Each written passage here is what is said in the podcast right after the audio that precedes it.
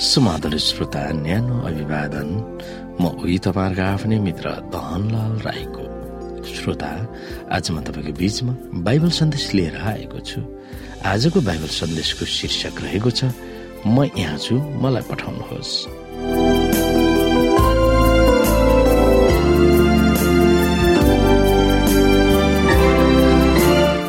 श्रोता युनाको कथा अचम्म मान्नुभन्दा अपारको छ। युनाको कमजोर सन्देश सुनेर निनबेका मानिसहरू परिवर्तन हुँदा परमेश्वरले तिनीहरूलाई नाश गर्नुभएको थिएन।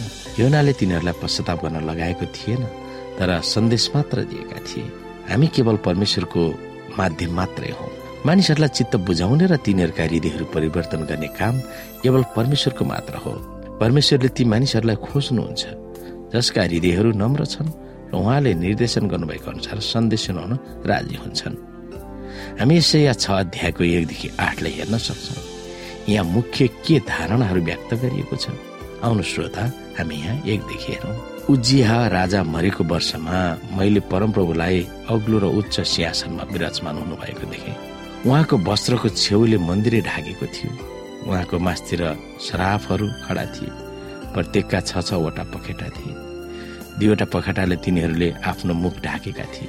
दुईवटा पखेटाले आफ्ना खुट्टा ढाकेका थिए। र दुईवटाले तिनीहरू उठ्दै थिए अनि एउटाले अर्कालाई यसो भन्दै तिनीहरू पुकार्दै थिए। सर्वशक्तिमान परमप्रभु पवित्र पवित्र पवित्र हुनुहुन्छ। सारा पृथ्वी उहाँको महिमाले भरिपूर्ण छ। तिनीहरूका स्वरले ढोकाहरू र जगहरू हल्लिए र मन्दिरहरू धुवाले भरियो।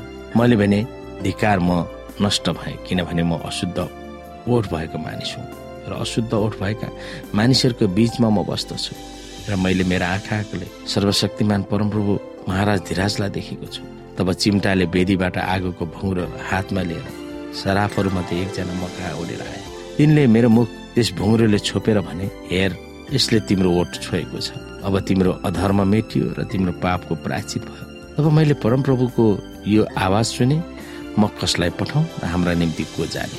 अनि मैले भने म हाजिर छु मलाई पठाउनुहोस्।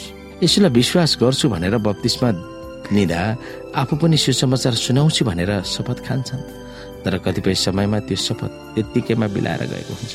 यसुलाई विश्वास गर्ने प्रत्येक भक्तलाई परमेश्वरले बोलाइरहनु भएको छ। राजी खुसीले चल्ने स्वयंसेवकहरू परमेश्वरले खोजिरहनु भएको छ। उहाँको नेतृत्वमा हामी उहाँलाई सुम्पिएर उहाँको बोलावटलाई जवाफ दिनु पर्दछ उहाँको आवाज सुन्न र उहाँले निर्देशित गर्ने ठाउँमा जान तयार हामी हुनुपर्दछ। परमेश्वरको प्रेमप्रति अनभिज्ञ र उहाँको आवाजलाई चिन्न नसकेकाहरूलाई पनि उहाँले प्रेम गर्नुहुन्छ भनेर योनाको कथाले प्रकट गर्दछ। निनावी प्रति परमेश्वरले देखाउनु भएको दया जस्तै आज पनि सहरहरूमा भएको करोडौँ मानिसहरूलाई उहाँले दया देखाउनुहुन्छ। हरिया बन्द र प्राकृतिक सौन्दर्यतालाई नाश गरेर गगनचुम्बी भवनहरू बनाउँछ सहरको निरन्तर हल्ली खल्लीमा एकछिन शान्त भएर परमेश्वरको आवाज सुन्न मुस्किल हुन्छ। निनभएका मानिसहरूका बारेमा परमेश्वरले नै मूल्याङ्कन गर्नुभएको थियो। तिनीहरूलाई दाहिने हात देव्रे हात सो के हो थाहा छैन। अनेकौं देह व्यापार र जीवनको प्रवृत्तिको विकृतिको बीचमा बाँचिरहेका मानिसहरूलाई आशाको सन्देश सुनाउन परमेश्वरको निम्ति सन्देश भागको आवश्यकता छ। यसैयाले आवाज सुनेका थिए हाम्रो निम्ति को जानेछ? तपाईँको जवाफ के छ? तपाईँले आफ्नो कापीमा दस जनाको नाउँ लेख्नुहोस् जसले यसुलाई विश्वास गरेका छैनन्। यी तपाईँका चेलाहरू भनेर हामी सम्बोधन गर्न सक्छौँ। तब त्यस सूची तपाईँको नजिक राख्नुहोस् र तिनीहरूको निम्ति दिनदिनै प्रार्थना गर्नुहोस्। पहिला तिनीहरू तपाईँको साथी हुन जाओस् भनी परमेश्वरसँग प्रार्थना गर्नुहोस्। तिनीहरूसँग घनिष्ठ हुन प्रार्थना गर्नुहोस्। तिनीहरूको विशेष आवश्यकताको पहिचान गर्नुहोस्। तिनीहरूमा के दुःख र चित्त दुखेको छ सो थाहा पाउनुहोस्। अनि तिनीहरूको आवश्यकतामा तपाईँले सहयोग गर्न प्रार्थना गर्नुहोस्। अझ चुनौतीलाई अगाडि बढाउन तपाईँको नजिक र पृथ्वीको अर्कै सहरलाई तपाईँले रोज्नुहोस्। त्यहाँका मानिसहरूको निम्ति प्रार्थना गर्न सुरु गर्नुहोस्। त्यस ठाउँमा बलियो एडभान्टेजको उपस्थित होस् भनेर प्रार्थना गर्नुहोस्। ताकि त्यहाँका मानिसहरूले यसुको आगमनको सत्यलाई सुन्न सकोस्। श्रोत साथी कतिपय मानिसहरू परमेश्वरको बोलावट थाहा पाएर पनि चुपचाप बस्दा तिनीहरूले आफूले आफैसँग सङ्घर्ष गरिरहेका हुन्छन्। आफ्ना वरिपरि रहेकाहरूमा यसुको गवाई दिनुपर्छ भनेर बप्तिस्माको समयमै शपथ खाएको हुन्छ तर कतिले आनाकानी गरिरहेका पनि हामी बुझ्छौँ। यी मानिसहरूप्रति घोर आपत्ति जनाउँदै दिदी एलएनजी भाइटले चेतावनी दिनुहुन्छ। सुसमाचारको खातिर काम नगर्ने अनेकौं बहानाहरू भए तापनि तिनीहरूले वहन गर्नुपर्ने जिम्मेवारीबाट तिनीहरू अलग हुन सक्दैन।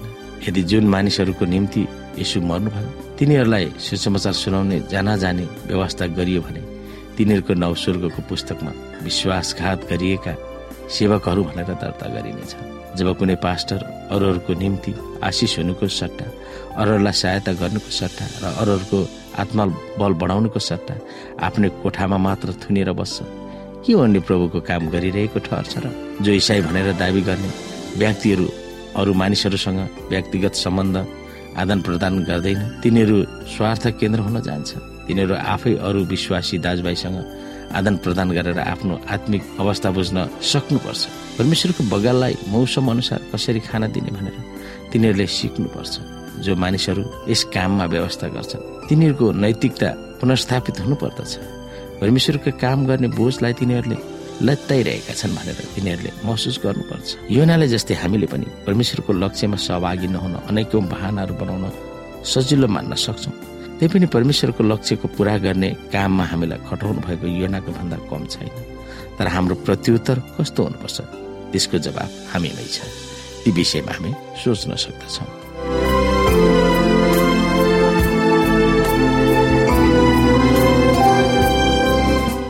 श्रोता आजको लागि बाइबल सन्देश यति नै। हस्त नमस्ते। जय मसिंह।